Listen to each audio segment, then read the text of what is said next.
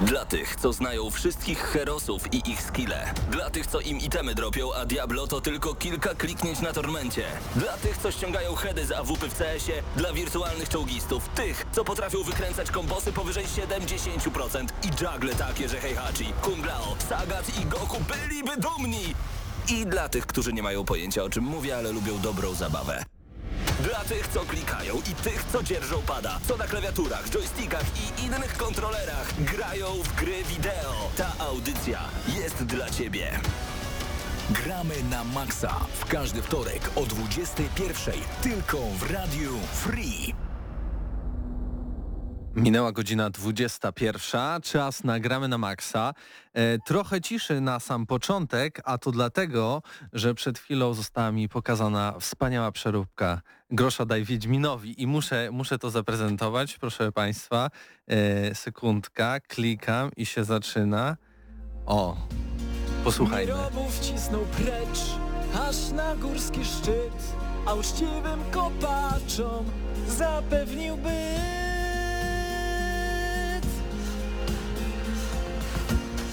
Codziennie stają więc wdzięcznie przed bramą z uśmiechem na twarzy. I znowu to samo. Oto moja pieśń, to wasz bohater jest. On biznes ustawił, zaśpiewajcie więc. Rudę daj Gomezowi, kilofem potrząśnij, kilofem potrząśnij. Wo. Rudę daj Gomezowi, królowi kolonii, królowi kolonii. Wo. Rudę daj Gomezowi, kilofem potrząśnij, kilofem potrząśnij. Wo. Rudę daj Gomezowi, królowi kolonii.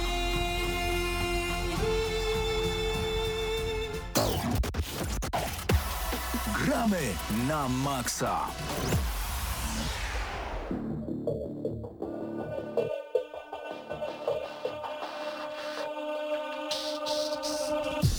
No i wracamy już klasycznie do, do audycji Gramy na Maxa. Chciałem to puścić, bo jestem naczelnym fanem Gotika i, i, i musiało to wybrzmieć na antenie e, Radia Free. E, autorem tej przeróbki jest Marcin Skipper. Możecie sobie wpisać Rudę daj Gomezowi, Grosza daj Wiedźminowi, Gotik przeróbka na YouTubie, jeśli chcecie e, posłuchać po prostu e, w całości e, tej wspaniałej muzyki, która zabrzmiała na początku audycji Gramy na Maxa, a ze mną w studiu są, proszę się przywitać. Patryk Ciesielka. Krzysztof Lenarczyk. To Stachyra. E, Przed mikrofonem Mateusz Widut. Dzisiaj coś, coś niecodziennie, bo e, cztery osoby, trzy mikrofony. Zobaczymy, czy to w ogóle zadziała, ale e, zacznijmy od Patryka, który ma na własność mikrofon i opowie, w co ostatnio grał. A tak, opowiem co ostatnio grałem i co do tego mikrofonu to chyba wszyscy znają odpowiedź jaka będzie, czy to zadziała, czy nie. No ale dobra, zaczynajmy, zaczynajmy o, o tym w co grałem. Grałem sobie ostatnio w dość starą grę, którą e, to, to, to gra z czasów, kiedy Valve jeszcze wydawała jakiekolwiek tytuły. Mianowicie grałem w Team Fortress i i jestem zaskoczony jak szybko y, jest znajdowana gra w tej grze, no bo jednak ona ma już swoje lata. Nie, nie pamiętam dokładnie kiedy ona wyszła. Może ktoś tutaj pomoże. Paweł, pamiętasz kiedy ona wyszła? 2007? Ja... Z... Jaka konkretnie gra? Team Fortress 2? Team Mhm. Fortress 2 2007 zdaje się, razem z resztą Orange Boxa. No to, to, jest, to jest bardzo dużo lat, jak sobie tak policzyłem teraz na szybko. No i właśnie grałem sobie w to Team Fortress i bardzo, bardzo przyjemnie się w to gra, naprawdę. Jest sporo ludzi, cały czas jest, jeżeli wychodzą gracze po jednym meczu, to jest bardzo szybko, są bardzo szybko zastępowani nowymi. Yy, także nie ma tak, że zostajemy załóżmy dwie osoby na serwerze albo w trzy, tylko od razu są uzupełniani gracze na bieżąco. Yy, no jak graliście w Team Fortress, to pamiętacie, że, że ta gra była no była bardzo dobra, no nie- nie bez powodu miała taką, y, taką popularność swego czasu i dalej jakoś gdzieś tam ludzie w to grają. No ja jestem, ja jestem pod wrażeniem tego, że, że ta gra się trzyma w ogóle na nogach i że da się w nią grać i się gra w nią bardzo dobrze. Bo nie ma innych gier od Valve, ale w marcu nowy Half-Life Alex na, na VR-y, więc y, może w końcu e, ta passa niewydawania gier przez, przez Valve i Steam e, w końcu się nie wiem, no przełamie i, i zobaczymy kolejne tytuły. W ogóle nie wiem, Patryk, czy wiesz, ale Mateusz Zdanowicz to jest weteran Team Fortress 2 i powinieneś do niego zagadać i z nim zagrać, żeby pokazał ci, jak się gra w Team Fortress 2. E, Ja też nie chcę się jakoś bardzo chwalić, ale też mam trochę godzin w Team Fortress.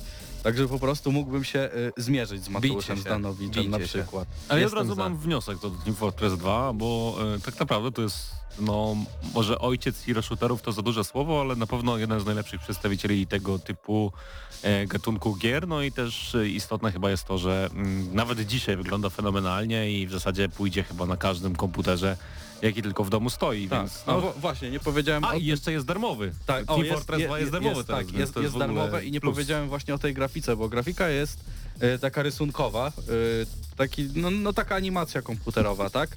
Także to, to jest jeden z tych typów grafiki, który się nie starzeje, tak? Coś, coś, mm, coś na wzór na przykład Fortnite'a, też nie sądzę, żeby ta grafika jakoś bardzo się zestarzała w przyszłości.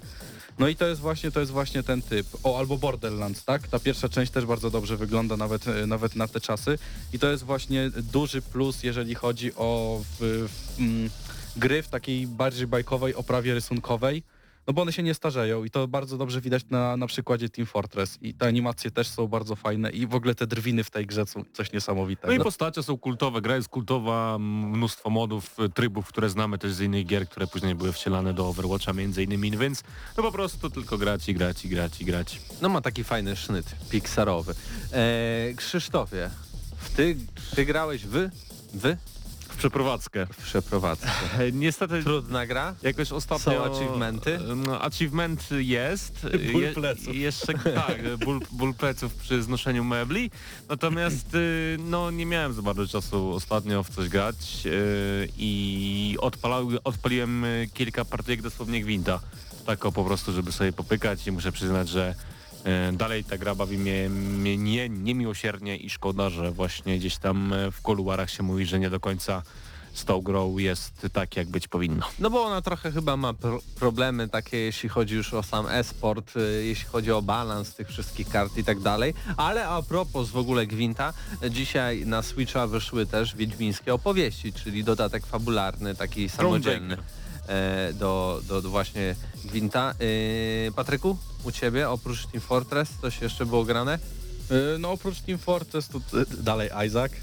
No ale co w dzisiejszej audycji będzie jeszcze? No to właśnie nie chciałem jakoś bardzo zdradzać, ale, Ale mówiłem... hint. Tak, no, no mówiłem o tym w zeszłym, w zeszłym tygodniu i jest to gra o budowaniu.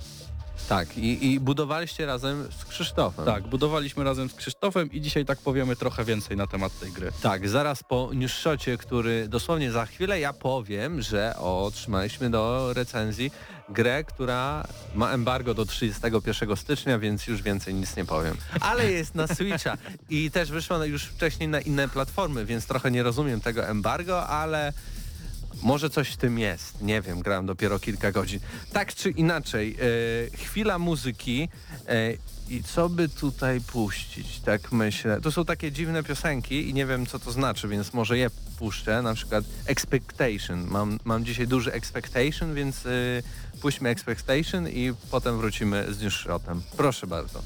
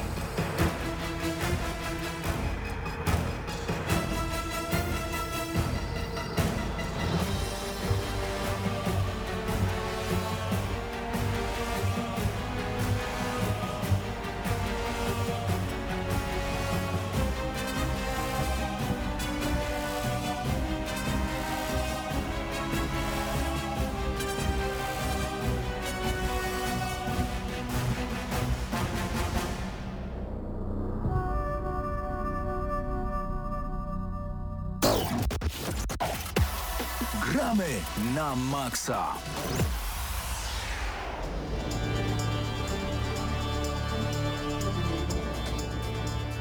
Spodziewałem się niewiele po tym kawałku, ale był spoko. Tak więc moje expectations zostały zaspokojone. Subverted. tak. E, przejdźmy do News Shota. E, Bartłomiej Nowak przygotował nam klasycznie zestaw e, najnowszych, najświeższych informacji e, prosto z branży gier wideo. I zaczniemy dosyć interesującym wpisem, e, zważywszy na sytuację ogólnoświatową, bo symulator rozprzestrzeniania się epidemii Plague Incorporated odnotował ogromny wzrost zainteresowania wśród graczy za sprawą zainfekowania koronawirusem w Chinach. Kilkuletnia gra trafiła na pierwsze miejsce e, w rankingu najczęściej kupowanych gier chińskiego App Store'a. Twórcy symulatora w rozmowie z dziennikarzami Polygonu stwierdzili, że wzrost popularności gry wynika z tego, że ludzie są ciekawi i chcą wiedzieć więcej o chorobach zakaźnych. Plug Incorporated może odegrać pewną rolę, ponieważ jest to inteligentne spojrzenie na to, jak choćby e, choroby zakaźne mogą się rozprzestrzeniać. Koniec cytatu. Deweloperzy zwracają również uwagę na to, że jest to tylko gra, a nie narzędzie edukacyjne, dlatego zachęcają do poszerzania wiedzy e, od lokalnych i globalnych organów do spraw zdrowia. Chociaż ten cytat trochę co innego sugeruje.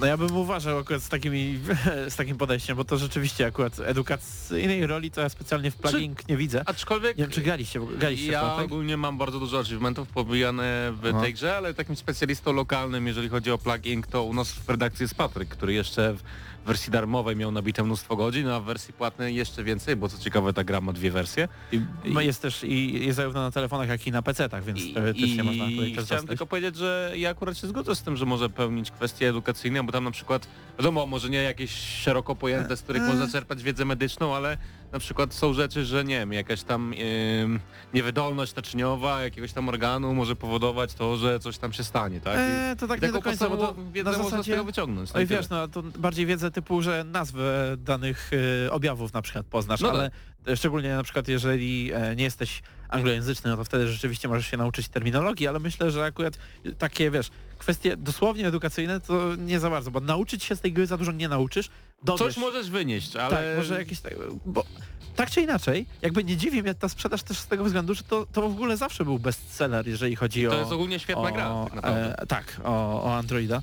A gra jest bardzo przyjemna, e, bardzo ponura może być, bo rzeczywiście m, jeżeli chodzi o udźwiękowienie w tej grze e, jestem bardzo pod wrażeniem, bo tam e, jakby tworzymy naszego wirusa, mamy bardzo dużo różnych, różnego rodzaju patogenów i tak dalej, które możemy, jako które możemy zacząć. I jak, w miarę tego, jak opanowujemy świat, jak świat zaczyna ginąć, to też zmienia się jakby ścieżka dźwiękowa, bo na początku mamy jakieś takie, nie wiem, ruch, y, bardzo ruchliwe miasta słyszymy i tak dalej. Później słyszymy gdzieś powoli jakiś płacz, gdzieś może jakiś płacz dziecka, gdzieś y, ludzi k- kaszlających. Później w ogóle już przestajemy cokolwiek słyszeć, zaczyna się tak robić już za całkiem Cicho. ponuro. I to bardzo, bardzo dobrze jest y, pod względem jakby atmosferycznym przedstawione. No ale też zmieniają się obrazki, pojawiają się newsy ze świata, że na przykład nie wiem, była olimpiada, albo że została od, odwołana i tak dalej, Tak. no Gra można ma się dużo naprawdę czuć. Gra ma dużo głębi, jeżeli chodzi o to, jak e, możemy tam e, namieszać, jeżeli chodzi o te, o te choroby, które możemy stworzyć. Także jak najbardziej polecam się zapoznać, bo to jest e, super tytuł. I, I ostatnią rzecz, e, wtrącę ci się, że nie tylko wirusa możemy stworzyć, bo w wersji płatnej jest nawet wirus, y, y, są bakterie, są grzyby Znaczy tak, tam- i tak dalej. No tak, ja mam... Są różne rodzaje infekcji, że tak powiem. No to, to, to miałem na myśli, że chodzi mi o to, jak mówiłem o różnych patogenach, tak, że możemy tam i tworzyć grzyby, i, i, i bakterie, i, i priony, ale też e, są specjalne dodatki, które pozwalają nam tworzyć e, na przykład plagę zombie. I wtedy zmienia się zupełnie gameplay, bo trochę się bardziej e, zmienia w taką strategię, gdzie rzeczywiście e, mamy coś do czynienia bardziej z e, ruchem na przykład jednostek i tak dalej, bo wiemy ile mamy zombie w danym kraju, możemy je przenosić. Mamy wampiry, mamy planetę małp, scenariusz cały oddzielny, e, są, jest kreator scenariuszy, dzięki którym gracze odtwarzali naprawdę niesamowite rzeczy. Nawet e, ktoś stworzył z tego strategię zwykłą czasu rzeczywistego, która nie ma e, żadnego związku z chorobami za pomocą kreatora scenariuszy, dlatego to jest naprawdę e, pod tym względem również e, takie doświadczenie, że na pewno dostaniecie mnóstwo godzin z tego. Czyli polecacie, bo na czasie. Tak. To pasuje. Tak, tak. I to jest też tania gra raczej z tego co pamiętam, więc no Dobry czas, żeby się zapoznać. Dokładnie. Najlepszy. Zdecydowanie. E, Kolejny news. Studio Maxis poszukuje pracowników do nowego projektu. Opis stanowiska sugeruje, że będzie to całkowicie nowa gra, niezwiązana z ich poprzednimi dziełami, to znaczy Simsami i SimCity, choć gracze spodziewają się nowej odsłony Simów z powodu nadchodzących 20 urodzin serii, bo jak pamiętamy, pierwsze Simy pojawiły się w 2000 roku. Y, Nie jest może to jakaś taka nadzwyczaj e, ekscytująca wiadomość, że Maxi stworzy e, nowy projekt. Nie wiem, czy e, ta gra od e, EA Spore ono się nazywało, to też była od Maxis, więc wydaje mi się, że to będzie ciągle coś w stylu zarządzania Czymś na dużą rzeczami. skalę, tak? Czymś na dużą albo tak. małą skalę. ale Życie rodziny albo życie w ogóle ewolucja jako całość i teraz też może w coś w tym stylu pójdą, ale szczerze mówiąc ja jestem e, ciekaw co nowego mogą pokazać, bo tak na horyzoncie nie ma nigdzie Simsów 5, e, gdzieś pojawiały się plotki już, że to powstaje, ale w pewnym momencie te plotki przygasły. Jak wiemy, że e, sam, samo EA powiedziało, że jeszcze ma plan na dużo dodatków do czwórki, Z drugiej strony nie sądzę, żeby Sport dostało sequel. Jednak Sport pomimo tego, że potrafił przynieść sporo radochy, to no był jednym z, jedną z klap był e, w historii tej, w tej firmy, tak? Bo, bo raz, że gracze nie dostali tego, czego, co oczekiwali, a Ale wymagania był były bardzo wysoko ustawione. świetną platformą do memów była. Tak, E, kilka udało się zrobić, no, ale ja, ja chciałem dodać e, jeszcze do, do tej myśli, że SimCity raczej też nie zarabiał, bo City Skyline zjada każdą produkcję City buildingową już na starcie, więc no... Ale też słyszałem, że to w ogóle ma być nowy IP, także jakby myślę, że powinniśmy patrzeć, co, in, co innego możemy symulować w ich grach. Ale a propos roz, mm, rozmowy o Electronic Arts, e, bo tego nie zauważyłem w dzisiejszym newsshocie, a to jest bardzo ważna informacja, którą zresztą poruszyliśmy e, całkiem dogłębnie w najnowszym odcinku GNM+, e, jest to, że podobno Electronic Arts pracuje nad e, trzecią częścią, czy też po prostu kolejnym kotorem, czyli Knights of the Old Republic, Gwiezdne Wojny. E, Ma być to część, która będzie, będzie łączyła e, jakby fabularnie pierwszą i drugą odsłonę Kotora. E, Ma być swoistym e, sequelem.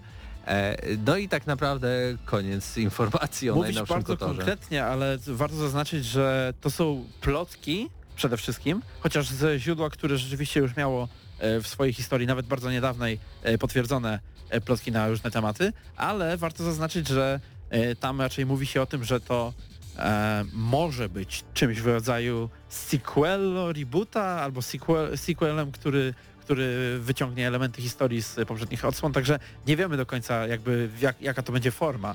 E, ale co do tego, jak dobry to jest pomysł, to już jest e, kwestia, którą no, dosyć długo przedyskutowaliśmy w tym tygodniu na plusie.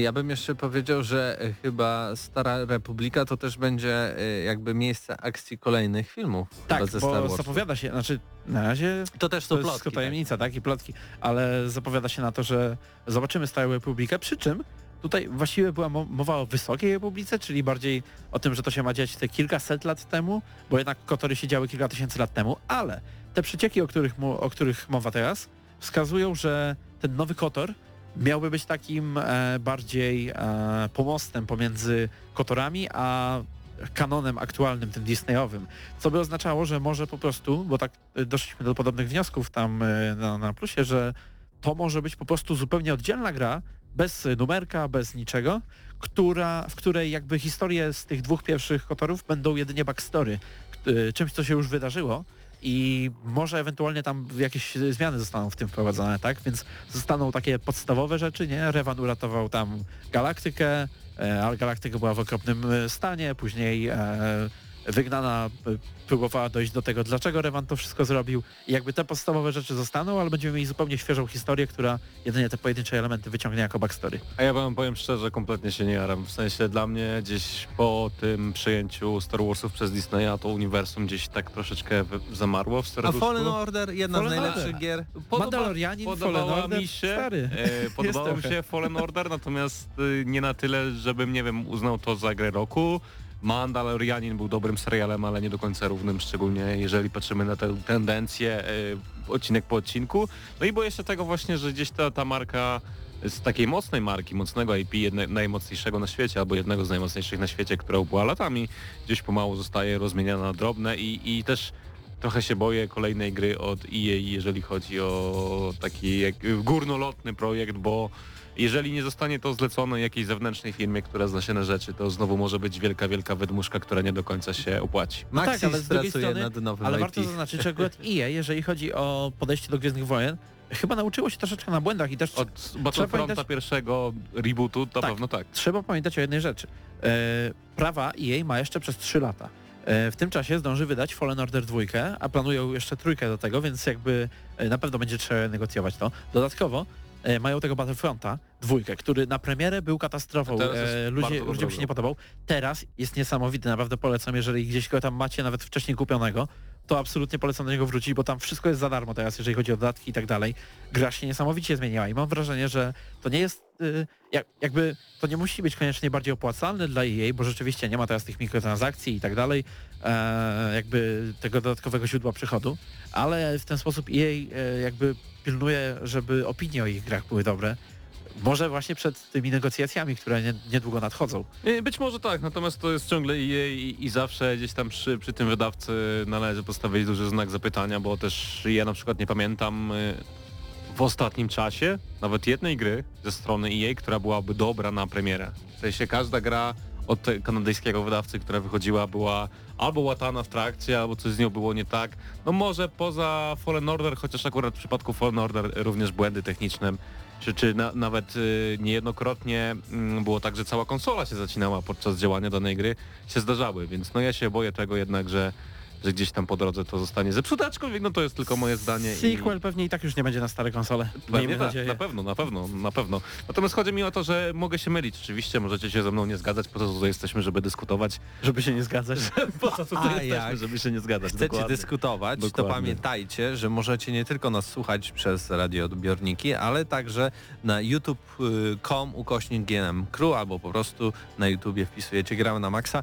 Tam też jest live stream e, prosto z tej audycji. Możecie zobaczyć nas, możecie zobaczyć, nie wiem, jakieś tam obrazki, filmiki e, z gier, które właśnie omawiamy, ale także jest tam i czat, do którego możecie e, dołączyć spokojnie. Tam reszta naszej ekipy aktualnie odpowiada na wszelkie wasze komentarze, udziela się, tworzy dyskusje, tak więc bardzo zachęcam, wejdźcie na nasz YouTube. Kolejny news, ale taki już mniej do dyskutowania, tylko wspomnę, bo to fajna ciekawostka. Atari zajmie się hotelami dla graczy. Uwaga, firma poinformowała, że na terenie USA planuje wybudować 8 hoteli. E, Budynki mają być wyposażone w stanowiska z VR-em, rozszerzoną rzeczywistością oraz pomieszczenia dostosowane m.in. do organizowania imprez e-sportowych. Budowa pierwszego hotelu zacznie się jeszcze w tym roku w stanie Phoenix. Tak więc Bardzo jeśli fajnie. jesteście graczami, wiecie gdzie uderzać. Ale w Stanach ogólnie też powstaje dużo takich ma- magazynów powiedzmy, gdzie można robić różne eventy sportowe. W Polsce również staje się to e, bardzo, bardzo popularne. Nawet e, zdarzyło mi się odwiedzić jeden z takich lokali w Tarnowie, więc no myślę, że to jest lukratywny biznes, który tylko z czasem będzie się coraz bardziej rozkręcać. Ja tylko przypominam, że oni za miesiąc czy dwa wydają konsolę. Pamiętacie jeszcze Atari VCS? Nie. No to będzie Atari VCS. No to e, ich konsola wstawię- z klasykami. Ich wersja chyba mm, mm, PS1 Classic i... No tak, i tak, tak. PS Classic. No, i- wstawią sobie do hoteli, zejdzie, nie? Tam w każdym pokoju y, pomnóż sobie przez ilość w ogóle pomieszczeń. Przez 8 hoteli i każdy Spoko. pokój.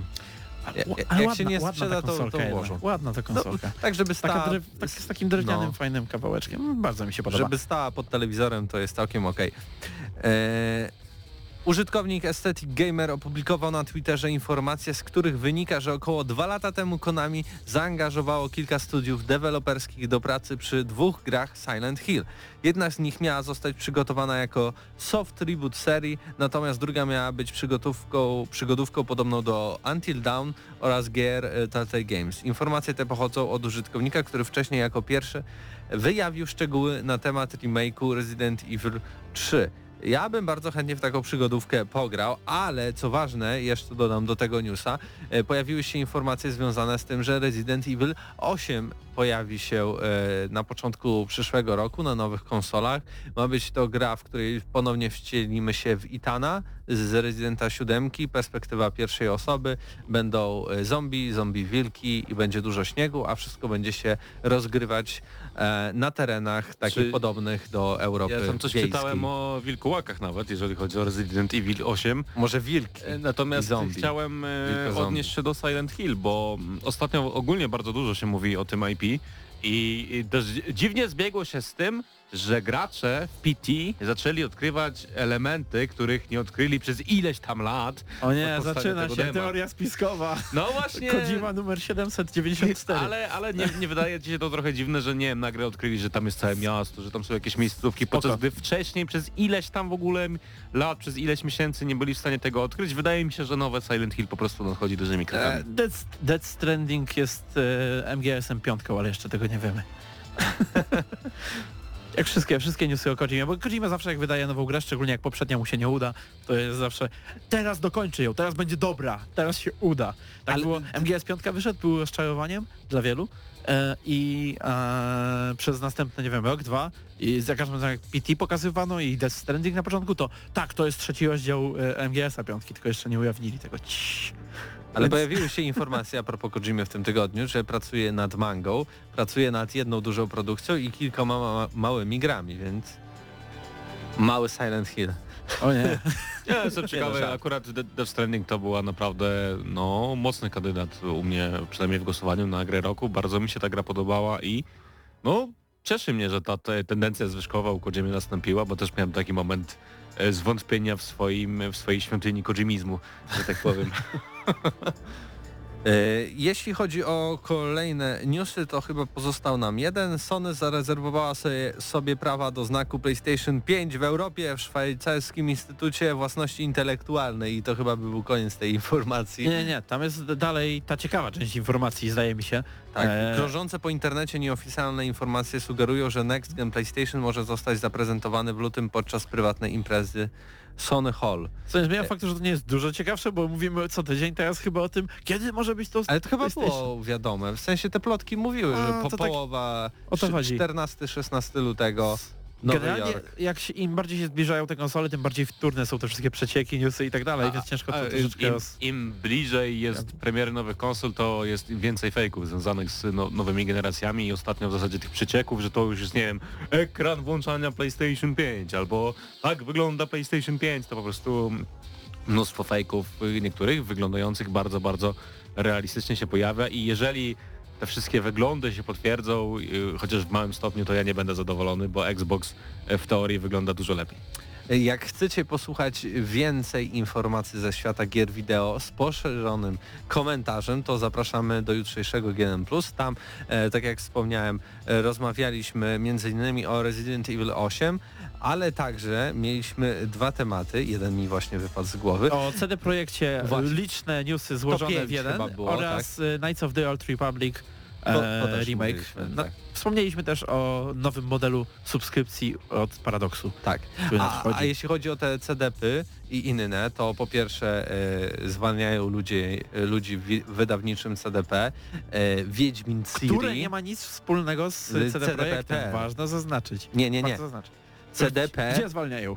zwalniają w CDP, który ma Aha, związek z CD e, Projektem. Projektowym. Ale jest jeszcze sklep CDP.pl, który nie ma nic nie wspólnego. Tak. Jest do Merlina To należy. jest bardzo pomieszane. bardzo pomieszane, bardzo podobne. ale jednocześnie ten Spółka- wydawca nie ma nic wspólnego bezpośrednio kont- z, z deweloperem, więc jakby to nie ma, jakby nie ma związku z developmentem, tak gra powstanie. E, Po prostu e, spółka CD Projektów w pewnym momencie się jakoś tak mocno rozgałęziła do tego stopnia, że nawet dziennikarze growi nie do końca są w stanie się w tym wszystkim połapać, tak pół, żart, pół żartem, pół serio, natomiast no jednak szkoda trochę, bo CD, CD Projekt e, generalnie to jest jeden z najstarszych wydawców w Polsce i szkoda, że akurat albo ogólnie chyba najstarszy wydawca w Polsce, przynajmniej tak długo trwający w branży. E, Szkoda, że akurat taką legendę, taką markę, która kiedyś była w stanie ściągać zagraniczne tytuły za, za cenę na miarę naszego rynku, e, była w stanie polonizować gry, e, produkować cudowny dubbing, ma takie problemy. No, miejmy, Polonizować na, piraty. miejmy nadzieję, że Też. to nie jest ostateczny koniec. E, spółki CDP i, i ludzie jeszcze tam nie stracą wszyscy pracy. E, tak czy inaczej, dziękujemy bardzo Bartłomiejowi e, Nowakowi za przygotowanie News Shota, a my teraz porozmawiamy, Krzyśku, o jakiej grze? Satisfactory. Satysfaktory, tak Chyba więc tak się powinno to czytać, tak mam nadzieję. Pa Patryk przyjdź i popraw. A w międzyczasie e, chwila muzyki, jak mi komputer zacznie działać. O, chyba działa.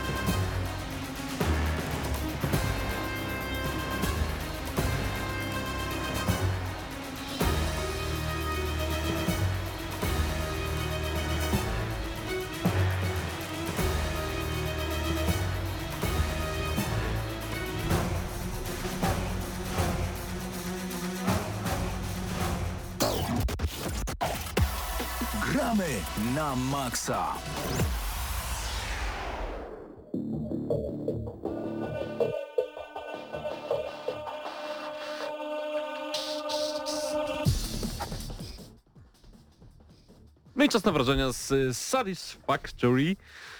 Sam nie jestem w stanie poprawnie przeczytać prawdopodobnie nazwy tego tytułu, no ale y, Patryku zacznę od prostego pytania.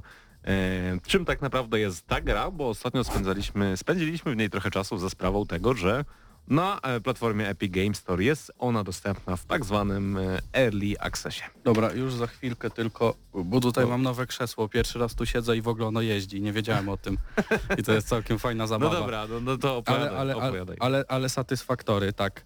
Y, To jest Early Access i to jest Early Access, który jest y, wyłącznie na y, Epic Store, tak? To jest taki, taki można to nazwać ekskluzywem.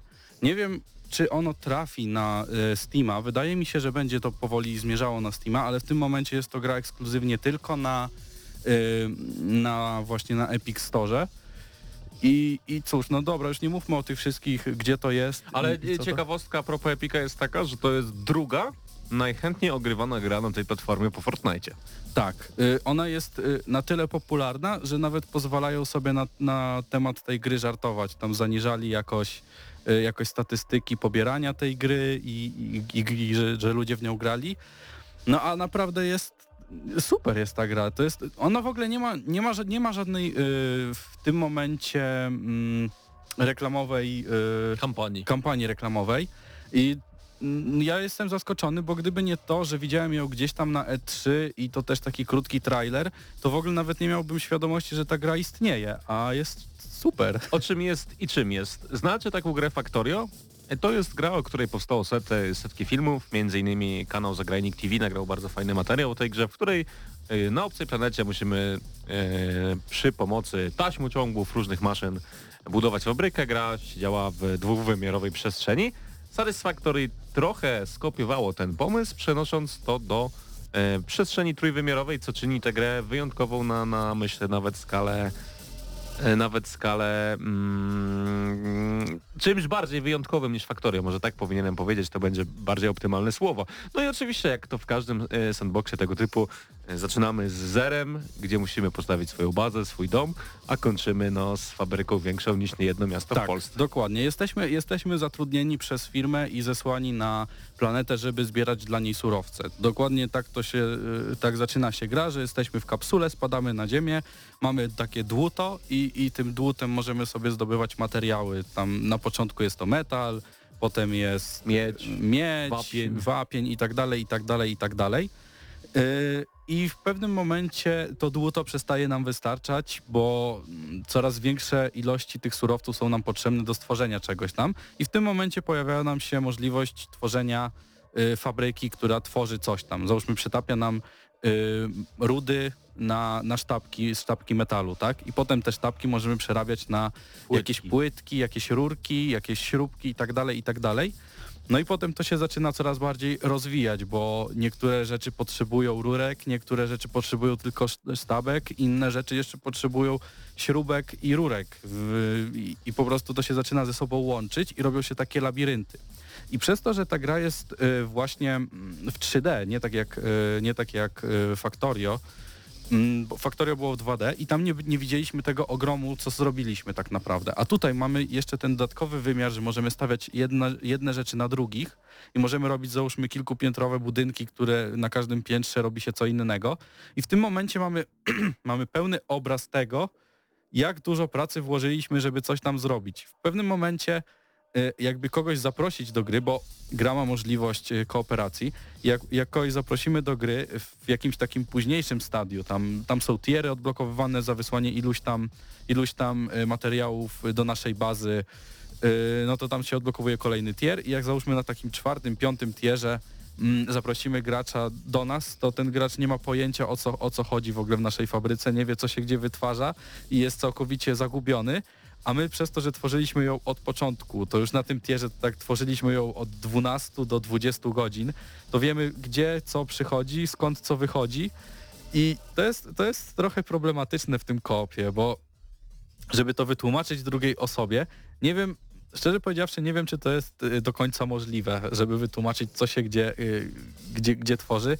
Tak jak ja na przykład y, wszedłem do gry Krzyśka, to Krzysiek dokładnie wiedział, co gdzie, się, gdzie powstaje, a tam były ty, te wszystkie fabryki tak rzucone gdzieś tam na jakieś platformy, tu gdzieś przechodziło i on mówi, nie, nie, nie, zostaw, to nie z tej się bierze, tylko z tamtej. I ja lecę do tamtej, biorę z tamtej i a, to wziąłeś jeszcze nie z tego, co trzeba, to weź iść do tamtego. I, i, ja, ja w ogóle nie wiedziałem, co się dzieje.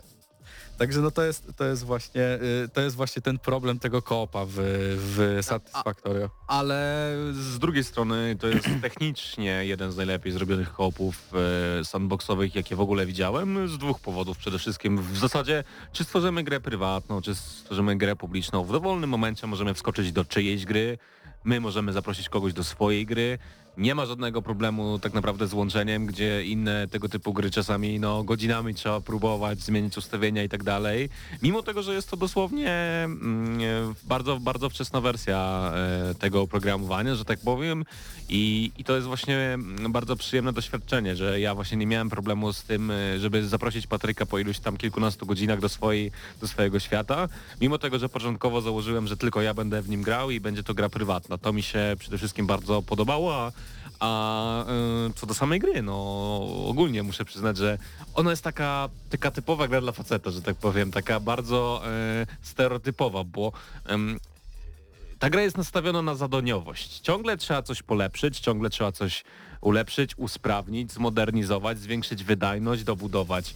Yy, Ja na przykład zacząłem swoją grę mm, do tego stopnia, że wszystko zacząłem budować na jednej platformie i po jakim, po jakiej, na jednej platformie i po jakimś czasie już wiedziałem, że to nie jest optymalne rozwiązanie i najchętniej zacząłbym całkowicie od nowa i zaczął budować wszystko w oddzielnych budynkach, tak jak zrobił to Patryk. I właśnie o to chodzi w tej grze, że nie ma czegoś takiego, nie przychodzi nawet jeden moment nudy, żebyśmy stwierdzili, a dobra, to już jest konie, koniec gry, i, i nie mamy zrobić coś więcej, bo nawet gdy dojdziemy do teoretycznego endgame'u, który e, jest związany z uranem chyba w tym momencie e, w tej grze i to jest jednym z ostatnich tierów, to dalej możemy rozbudowywać i usprawniać swoją sieć taśmociągów, swoich budynków, swojej produkcji. I co istotne, twórcy co jakiś czas dodają różne update'y darmowe oczywiście do tej gry i, i pierwszym z nich e, bodajże były taśmociągi góra-dół, a drugim z nich właśnie są pociągi, które ty ostatnio odblokowałeś. Tak, odblokowałem pociągi i jestem, jestem pod niesamowitym wrażeniem tego, y, jak dobrze to działa i jak, jaką frajdę y, sprawia jeżdżenie pociągiem w tej z powrotem z jednej stacji do drugiej stacji, bo na razie mam tylko dwie stacje.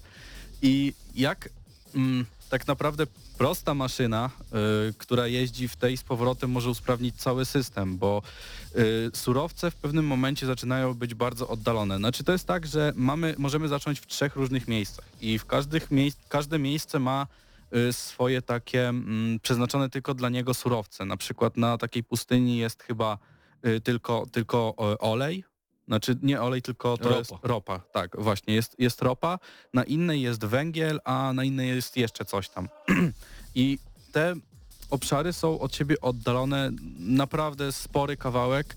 Ja raz poprowadziłem taki taś, taśmociąg, to y, uwierzcie mi, nie jest to łatwe i jest to tak średnio opłacalne, jeżeli chodzi o wykorzystanie surowców. I odblokowałem ten pociąg i po prostu podjeżdżam sobie do stacji. Mamy możliwość na tej stacji y, załadowanie sobie do naszego pociągu y, tego, co zebraliśmy gdzieś tam w jakiejś y, fabryce, którą tam sobie ustawiliśmy. Możemy potem z powrotem wrócić. Zajmuje mi to minutę do dwóch, a mam tak naprawdę cały kontener, cały kontener surowców i nie muszę już tego przenosić, przenosić pasami. I do tego mam frajdę z jeżdżenia ciuchcią, tak? To, to, jest, to jest też bardzo, bardzo, bardzo przyjemne i ona działa. Ona działa, a zazwyczaj jeżeli w tych early accessach dostajemy jakiś nowy update, to, jest, to są z nim problemy. Jest często zabugowany, gdzieś coś nie działa. Tutaj nie ma tego problemu, przynajmniej ja się jeszcze nie natknąłem, a trochę już sobie pojeździłem, y, pojeździłem tym, tą, tą moją lokomotywą. Także no jestem, no bardzo, bardzo mi się podoba y, to, że mimo tego, że to jest y, early access, to mm, błędy, błędy są takie... Podstawowe techniczne z, z detekcją obiektów, z kolizjami obiektów i tak dalej, no są w tej grze błędy. I myślę, że to są też takie błędy, których nie do końca, mm, nie do końca się uda wszystkie twórcom wyeliminować, bo też gdyby na przykład udało się pełną detekcję taką poprawną zrobić, to wiele obecnych obiektów, taśmociągów nie dałoby się zbudować, bo często te taśmociągi przenikają przez kamienie Tak. albo przez roślinność, a nawet jak spojrzymy na inny Early Access, który nie wiem czy dalej jest Early Accessem, czyli Ark Survival Evolved, gdzie dosłownie dinozaury wkładały głowę do budynków, które budowaliśmy i to przez ileś tam miesięcy czy lat nie zostało naprawione, to wydaje mi się, że Krzysiek, ustalmy sobie jedno, jak coś porównujemy do Arka, to No, to, to będzie z- zawsze lepsze. jedna Także... z, jeden z najwyżej ocenianych Early Accessów w ogóle, natomiast no Satisfactory e, wydaje się nawet na ten moment, czyli moment bardzo wczesnej wersji, dużo bardziej grywalną grą niż Ark wydawał się wówczas, gdy, e, gdy my w niego graliśmy. Tak, zdecydowanie. I tak jak jeszcze wspomniałeś o tych błędach kolizji, no to jeżeli mm, mielibyśmy poprawione te błędy kolizji, to większość rzeczy nie dałoby się stworzyć w taki sposób, jak tworzyliśmy do tej pory.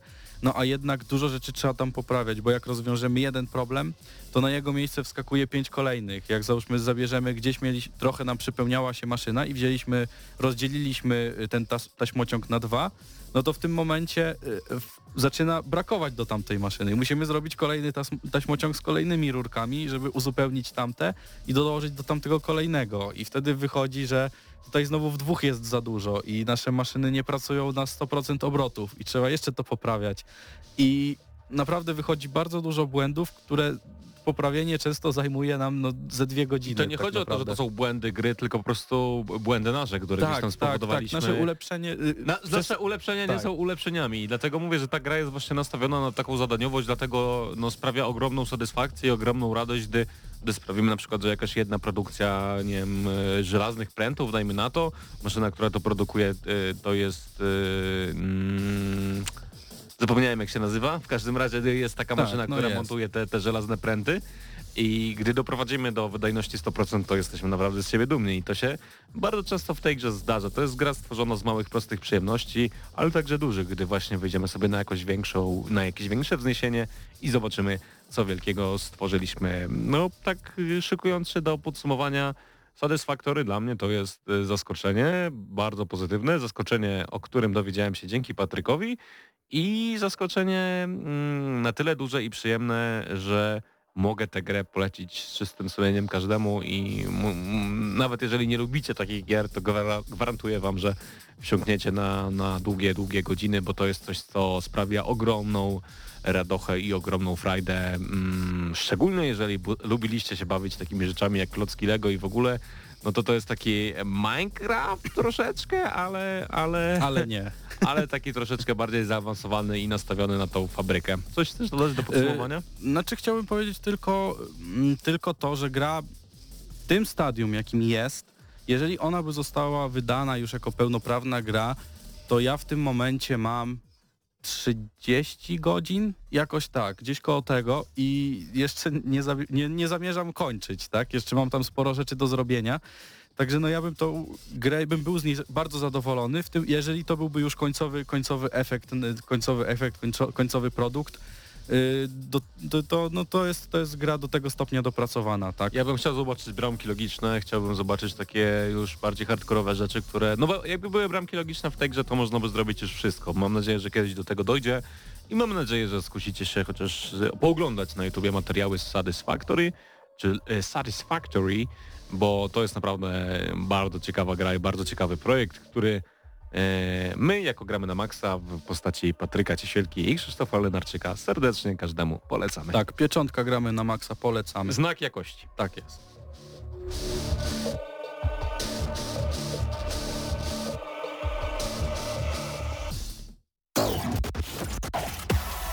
Gramy na maksa.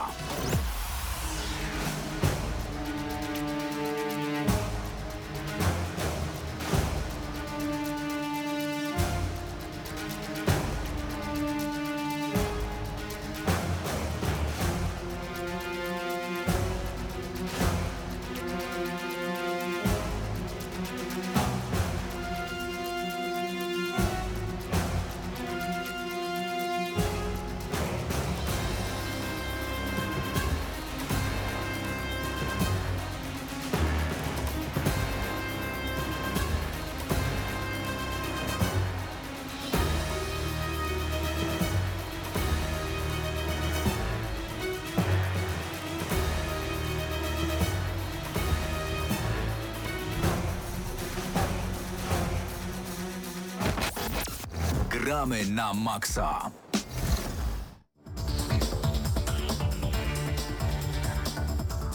E, Czy oni mieli ten podkład? Kojarzysz? Nie jestem pewien. A, widzisz, bo ty nieprofesjonalnie zasiadłeś do mikrofonu, nie posiadając słuchawek na Och, swojej nie. głowie. Bo chcę się, już wystarczająco rzeczy miałem na swojej głowie, grając w VR-ze. Tak, bo teraz porozmawiamy o tym, że Mateusz Zdanowicz nas okłamywał dwa miesiące. Dwa miesiące temu zakupił sobie e, hełm w wirtualnej rzeczywistości i przez ten czas e, przetestował kilka gier, powiedzmy. Tak, e, prawie 10 w sumie i nie okłamywałem was, tylko nie mówiłem, że kupiłem ten To VR. białe kłamstwo się E, nazywa. Kupiłem sobie, tak jest, White Lie, e, kupiłem sobie Oculus Rift S, ponieważ była w grudniu świąteczna promocja, czy tam Black Friday'owa przedłużona, że można było to kupić za nieco ponad 1000 zł tylko, więc jak na ceny, jak sobie spojrzycie na Valve Index za 5000 zł, to jednak wydaje się spoko cena całkiem. Em, I o samym sprzęcie mogę powiedzieć tylko tyle, że jest, jakby widać, że widać tu pewne ograniczenia. E, Przede wszystkim nie ma czegoś takiego, co się nazywa mechanicznym ustawianiem em, DPI, to jest skrót, to jest jakby odległość twoich źrenic tam od siebie i w tych droższych wiarach możesz to bardziej mechanicznie ustalać, a w, w tym tego brakuje. Trochę się bałem, czy to nie będzie miało wpływu na, na jakieś wrażenia z rozgrywki.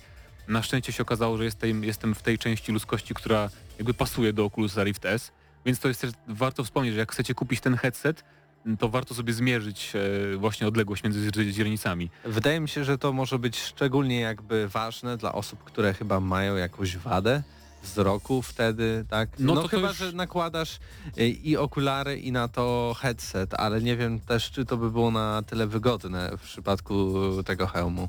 Myślę, że tak, bo tam masz, masz taką funkcję, żeby to odsuwasz jakby, mimo że cały czas masz to na głowie tak samo stabilnie, to możesz sobie jeszcze odsuwać, wiesz, e, czy bliżej, czy dalej od, od, od oczu i czoła. Em, I to jest wygodny se- headset, jak już sobie go założysz i tam dopasujesz, ale podczas gier, które wymagają na przykład schylania się, czy tam częstego unikania, na przykład jak grasz sobie w Pawlowa, czyli w takiego Counter-Strike'a, e, to no tak regularnie co parę minut muszę sobie ten headset poprawiać na głowie. I to jednak zaczyna być, e, no, no nie powiem, że męczące, ale jednak czujesz, wiesz, to cię trochę wybija, nie? Z, z rytmu, że tak powiem, z imersji w tej rozgrywce. Em, I brzegi obrazu, nie wiem, może to jest kwestia moich oczu też, e, ale brzegi samego obrazu są takie troszeczkę zamazane. Widać, pomijam oczywiście też, że widać trochę czarnego jakby tych, tych brzegów takich, bo pole widzenia w Oculusie Rift S jest no dosyć małe. Bodajże o 40 tam tych punktów wartości mniejsze niż w tym Valve Index, więc to też trzeba brać pod uwagę, ale to też tak dużo nie, tak bardzo nie przeszkadza, bo jednak te wszystkie doświadczenia bardzo wciągają i dlatego chciałem poczekać z wrażeniami, bo pierwsze parę dni to jest po prostu totalny zachwyt tą technologią. Mimo, że już korzystałem z VR-u na targach różnych parę razy, więc to nie był mój, mój pierwszy raz z VR-em, to jednak jakby doświadczenie tego we własnym tempie w domu, na spokojnie, to jest zupełnie co innego i nawet takie proste minigierki, gdzie tam gracie uczy jak co robić, jak pierwszy raz włączasz Oculusa, strzelanie z pistoletu na, na strzałki do jakichś celów, e, nawet takie rzeczy bardzo mnie zaf- zafascynowały.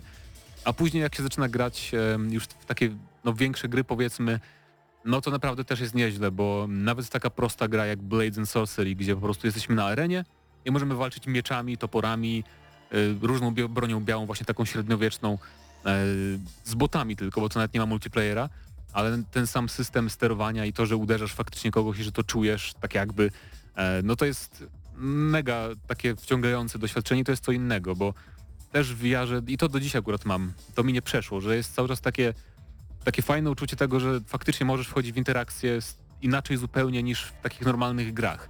I to jest chyba największa zaleta wirtualnej rzeczywistości, że, mm, że tam jest szansa na, że czujesz jakby świeżość w gameplayu, której jakby nie ma szans, żebyś poczuł tak grając w normalne gry.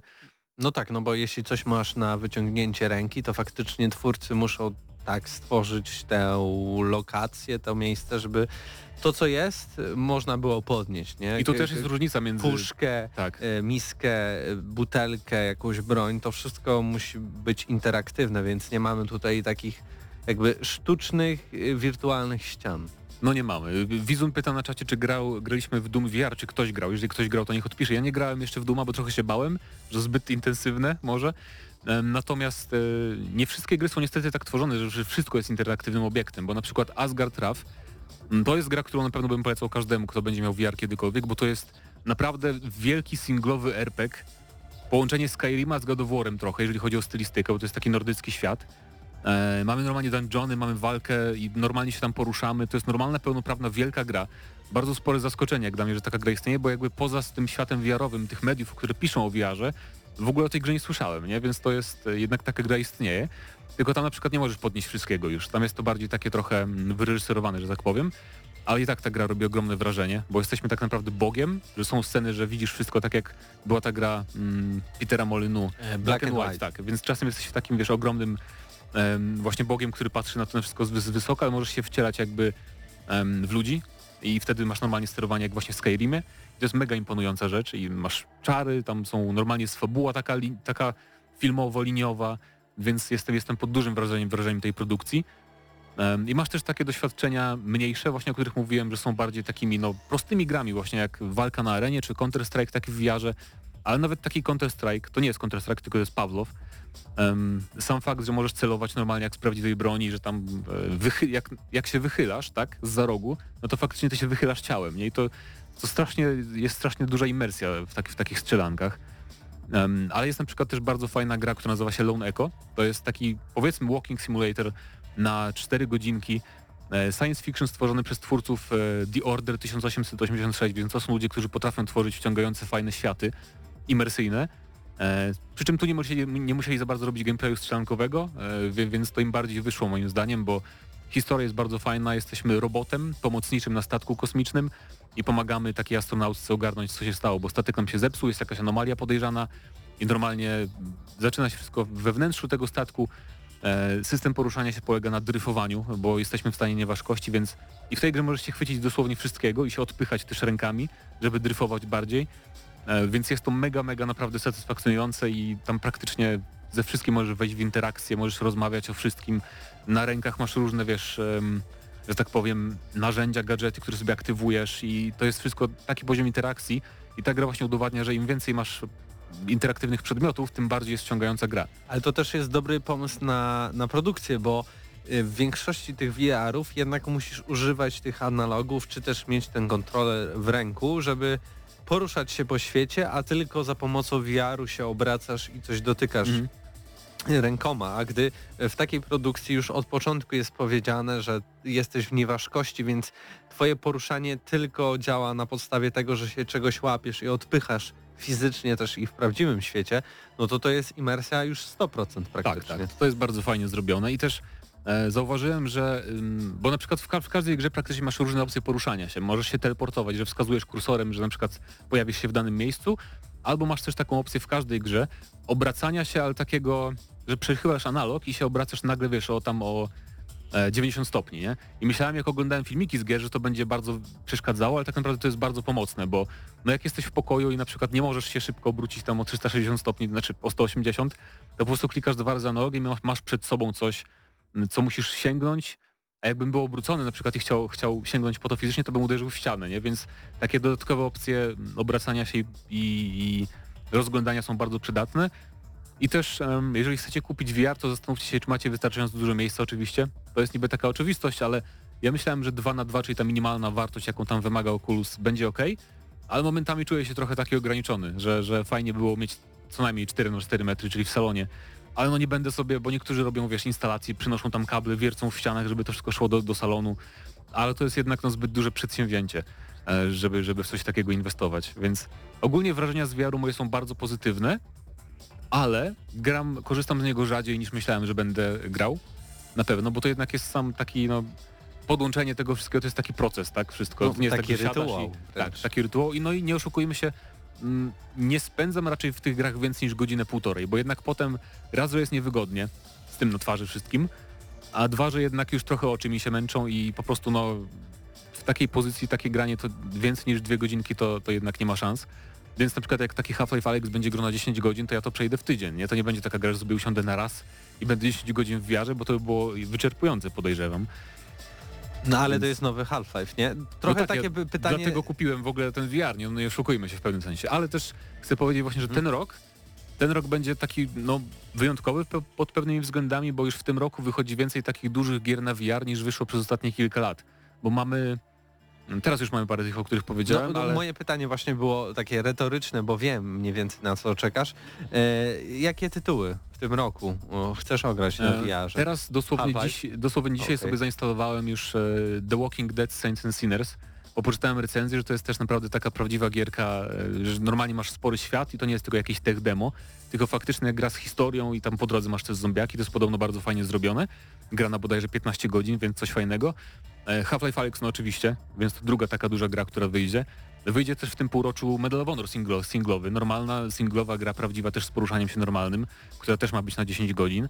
Em, więc no to już mamy trzy gry w jednym półroczu. To jest niby mało, ale w porównaniu do poprzednich lat, gdzie wychodziła jedna taka gra na rok albo na dwa lata, to wydaje mi się, mam nadzieję, że to się będzie jakby rozwijać i że to będzie, że jakby więcej deweloperów zobaczy, że warto jednak robić takie duże gry na VR, bo, no bo ludzie to kupują, ci, którzy mają ten, ten, ten VR. E, Kluczowe chyba też będzie to, czy nowe PlayStation będzie e, wspierało VR i czy ten, ta wersja druga PSVR 2 e, też zadebiutuje razem z premierą konsol, bo jeśli Mhm, Sony tak. dalej pójdzie w to, dalej zainwestuje w tego typu technologie, no to raczej wiadomo, że jakaś przyszłość e, istnieje dla VR-ów i jeszcze przynajmniej przez ten rok, dwa będzie to co najmniej podtrzymane, a na pewno będą wychodzić kolejne gry. Tak, ja mam nadzieję, chociaż szkoda z drugiej strony, że jednak są ekskluzywy na VR-ze.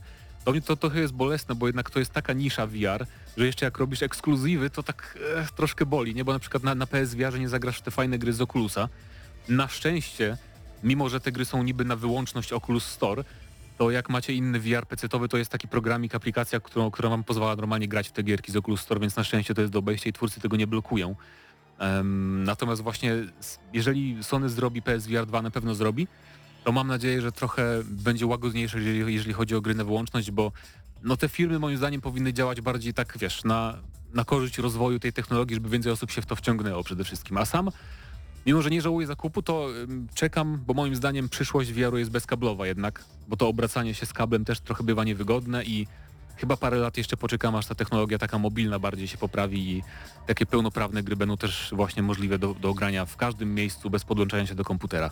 A póki co, jeśli chcesz, to cardboard masz. Tak? Bierzesz, Tak. bierzesz sobie Znaczy nie, no, tekturę i możesz jest- włożyć telefon. Jest, nie? wiesz, za 1400 zł jest Oculus Quest, który jest, masz tam na przykład Super Hota, jest, jest parę gierek takich naprawdę no, większych też, ale to nadal, jeżeli chcesz grać właśnie w Half-Life Alyx na tym przenośnym, to musisz i tak go podłączyć, podłączyć osobnym kablem, tam e, w ubiegłym roku dodali taką funkcję.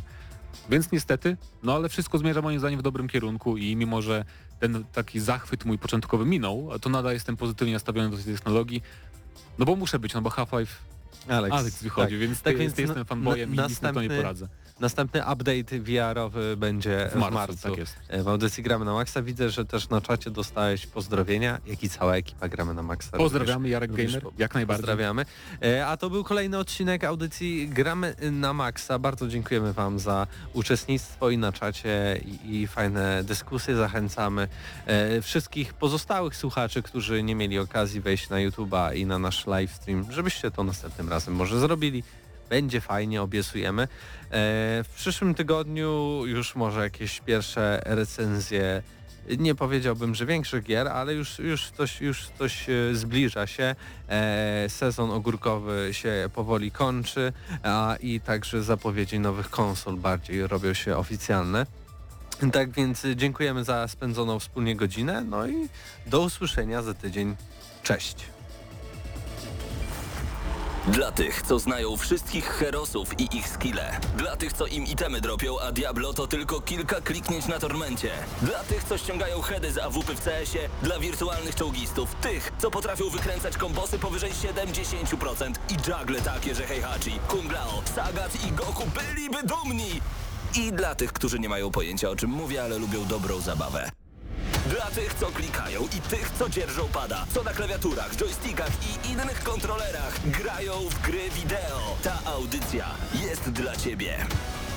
Gramy na maksa w każdy wtorek o 21.00 tylko w Radiu Free.